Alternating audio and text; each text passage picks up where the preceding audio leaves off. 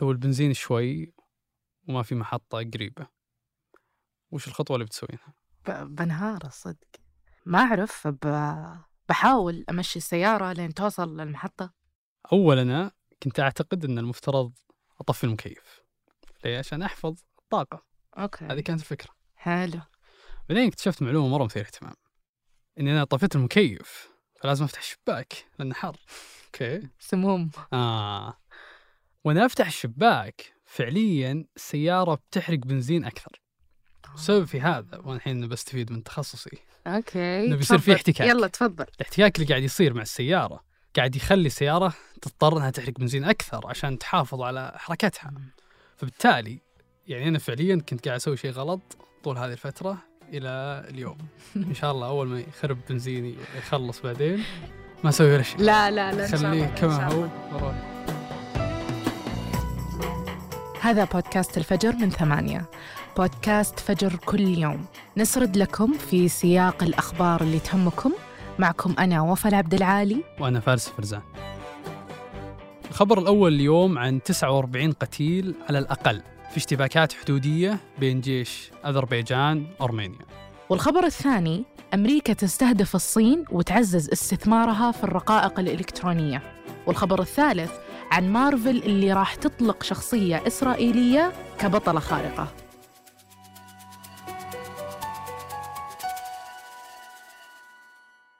قبل ندخل في الخبر آه لازم نشرح معلومات هامة في البداية. يلا بسم الله. أذربيجان تأسست عام 1918 وبعد سنتين من التأسيس احتلوها الاتحاد السوفيتي. مرت الأيام إلى 70 سنة تقريبا في 89 تفكك الاتحاد السوفيتي. في 91 استقلت أذربيجان تماما okay؟ فهذه قصة أذربيجان. الحين لو في واحد سافر لأذربيجان فغالبا في 18 أكتوبر من كل سنة تلقاهم يحتفلون احتفالات هائلة بسبة الاستقلال. فهل أنت قد رحتي أذربيجان؟ إيه توني جاية منها. أوكي. رائعة والله. والمميز فيها أنها دولة على غرب آسيا وشرق أوروبا. وآخر معلومة هامة قبل ما نروح لأرمينيا لأن هي الشق الثاني في الخبر إن أذربيجان دولة مسلمة. وغالبية السكان هم شيعة. وأرمينيا دولة مسيحية بامتياز. والعجيب إن كل حدودها مع دول مسلمة ما عدا جورجيا فتحدها تركيا وإيران وأذربيجان. وهذه قصة اليوم. فأكثر من 90% من سكان أرمينيا مسيحيين وعددهم حوالي مليونين شخص. أوه قليل امم بس وش يربط بينهم وبين أذربيجان عشان نستوعب إيش قاعد يصير اليوم؟ في إقليم اسمه ناغروني قرباخ هذا الأقليم مساحته جدا كبيرة فهي تصل 5000 كيلو متر مربع. لو تشوفينه بالخريطة فهو يقع داخل حدود أذربيجان. بس مين اللي يسكنه؟ أغلب اللي يسكنونه هم أرمينيين تقريبا 150 ألف نسمة. ومن هنا تحديدا بدأ النزاع والخلاف بينهم. والأرمينيين المسيحيين والمسلمين الترك والفرس يتنافسون عليه من قرون. بس وش اللي فجر هذا الخلاف اليوم؟ أذربيجان وأرمينيا كلهم كانوا يتبعون الاتحاد السوفيتي. أمورهم تمام. فوقت ستالين رئيس الاتحاد السوفيتي في نص القرن اللي راح قرر إنه يضم هذا الإقليم الأراضي أذربيجان وأعطاهم حكم ذاتي. بس بعد موت ستالين بدأوا الأرمينيين يحاولون انهم يرجعون الإقليم الأرمينيا. كل محاولاتهم فشلت. فبعد ما خفت قوة الاتحاد السوفيتي على الدول اللي مسيطرين عليهم ويتبعون لهم بدأت تتفاقم المشاكل. وأذربيجان وأرمينيا تحديدا بدأ الصراع بينهم في 88 وبعد ما أعلنت الدولتين أذربيجان وأرمينيا استقلالهم من الاتحاد السوفيتي في 91 تطورت الحرب بينهم على الحدود وعلى هذا الإقليم تحديدا. إلين 94 وقفوا بهدنة ومات في هذه الحرب أكثر من 30 ألف شخص ما بين عسكري ومدني. بدأ بعدها استقرار نسبي بينهم لمدة 20 سنة إلى 2020 رجعت الحرب بين الطرفين. لا حول. فتدخل الغرب بدعم أرمينيا وتدخل الأتراك بدعم أذربيجان خاصة بطائرات البرقدار المسيرة اللي قلبت مسار المعركة كليا الأذربيجان. وبعد 44 يوم وقفت الحرب بينهم ووقع الطرفين إنهم يوقفون إطلاق النار وتحتفظ أذربيجان بالأراضي اللي سيطرت عليها وتنسحب أرمينيا من مناطق ثانية. وتدخل قوات سلام من روسيا وتركيا في بعض المناطق بين البلدين. أرمينيا وصفت هذا الاتفاق بأنه مؤلم لكن أذربيجان وصفت هذا الاتفاق بأنه استسلام أرمينيا. الحين الأخبار تقول إن الاشتباكات وقفت وإن في اتفاق وقف إطلاق نار بين الطرفين لكن ما حد يدري إلى متى بيصمد هذا الاتفاق أمريكا تستهدف الصين وتعزز استثماراتها في الرقائق الإلكترونية اللي صاير الحين إنه في أزمة في الرقائق الإلكترونية سببت صداع مره كبير الكثير من الشركات. الشركات هذه من ضمنها شركات جوالات وسيارات وشركات ألعاب فيديو.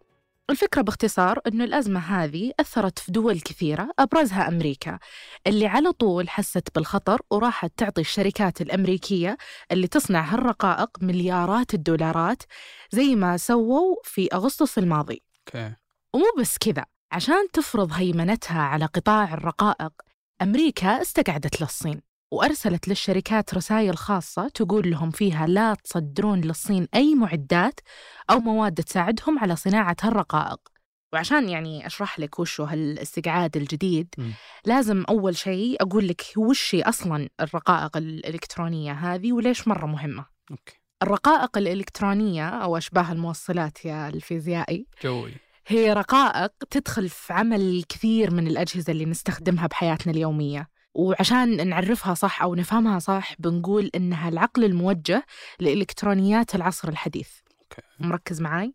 على خفيف. خلني أشرح لك كيف. هالرقائق مهمة لأنها تدخل في صناعة السيارات والطيارات والجوالات الأجهزة الطبية والكثير من الأجهزة الكهربائية الثانية. وبدون هالرقائق كان حياتنا الحين ما فيها لا هواتف ذكية ولا تلفزيون ولا حتى كمبيوتر. والأسوأ أن المستشفيات كذلك ما بيكون عندها معدات طبية متقدمة لتشخيص هالأمراض. وعشان تعرف أكثر ليه الرقائق مرة مهمة شوف الأشياء اللي حوالينك.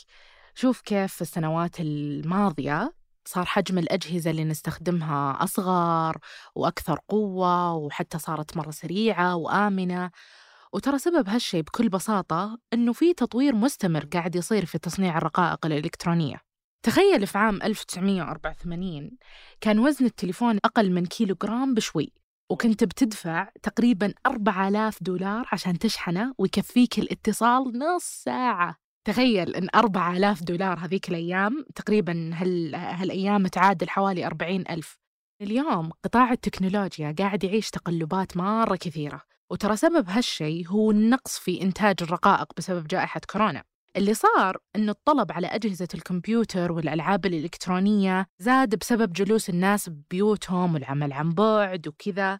وبنفس الوقت صار فيه نقص بالعمالة وتعطل السلاسل الإمداد العالمية.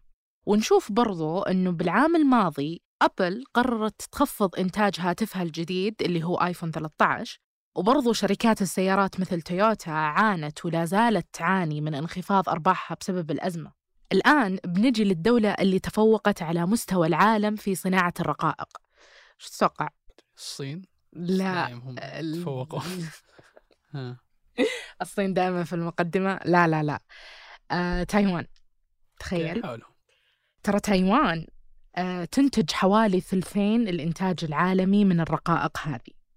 والصين مو معترفة فيها كدولة. مم. تخيل. وأسباب تميز تايوان في هالقطاع كثير.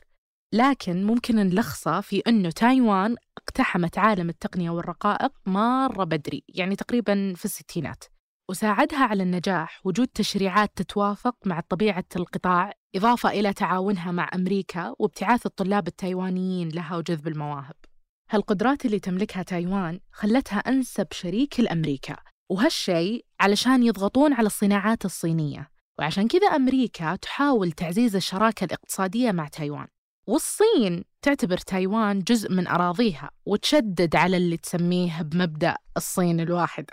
ومع أزمة الرقائق ومحاولات بعض الدول تصنيعها بنفسها تايوان تورطت أكثر مع الأمريكان وصارت جزء من الصراع التكنولوجي بين أمريكا والصين. تحاول أمريكا الحد من وصول معدات إنتاج الرقائق للصين ولذلك راحت تستغل بهدوء علاقتها لإقناع حلفائها اللي من ضمنهم تايوان. بأنهم ما يبيعون المواد المستخدمة في صناعة أشباه الموصلات للصين. لكن إدارة بايدن ما اكتفت بس بمواجهة الصين عبر حلفائها. هالأسبوع صعدت ضد الصين ووسعت القيود على الشحنات الأمريكية المتوجهة للصين اللي كانت شايلة الرقائق اللي تستخدم في الذكاء الاصطناعي ومواد صناعة هالرقائق القرار عبارة عن محاولة أمريكية لخنق الصناعات الصينية. لأن الأمريكان يقولون أن المنافسة في تصنيع الرقائق قضية أمن قومي. دائما يقولون كذا وزارة التجارة الأمريكية وجهت رسائل هالسنة إلى مجموعة من الشركات الأمريكية. تبلغهم بتوقيف تصدير المواد اللي تستخدم في إنتاج أشباه الموصلات للمصانع الصينية بشرط أنهم يأخذون تراخيص من عندهم. أعلنوا مارفل الأسبوع هذا عن شخصية إسرائيلية. بتصير بطلة في فيلمهم الجاي New World Order هذا الفيلم هو الجزء الجديد من كابتن أمريكا مقرر أنه يطلق في May 2024 الشخصية الجديدة اسمها صبرا وهي مستوحاة من الكوميكس حقت مارفل اللي في الثمانينات. صبرا وقتها كانت تؤدي دور عميلة في الموساد الإسرائيلي. حتى ملابسها كانت آه، باللونين الأبيض والأزرق وفي نص اللبس نجمة داوود كل هذا يعني بيرمز. رمزيات. فالخبر أثار ردود فعل غاضبة لدرجة أن بطلة الفيلم الإسرائيلية شيرا هاس وقفت التعليقات على خبر الفيلم في حسابها بإنستغرام. وفي كثير استنكروا استخدام اسم صبرا لأنه مرتبط بمجزرة صبرا وشتيلة. وبعض المغردين الإسرائيليين حتى يدافعون عن هذا الاستخدام قالوا أن صبرا اسم يستخدم في العادة للإشارة للأطفال اليهود اللي ولدوا في إسرائيل. هوية الشخصية في الفيلم إلى الآن غير واضحة لكن تفاعل المتحدثة الرسمية لسفارة الاحتلال في الأرجنتين أميتا البيري يوحي بأنها استمرار لنفس النسق في الاستعراض البطولي لإمكانيات إسرائيل في هوليوود. فبيري تقول صبرا هي بطلة إسرائيلية خارقة خدمت في الموساد وهي شخصية من مارفل من 1980 إلى 81 ورجعت الحين والآن أرغب بمشاهدة الفيلم. شوف الحال هذا اللي تقوله بيري مو بنا. شوف الحال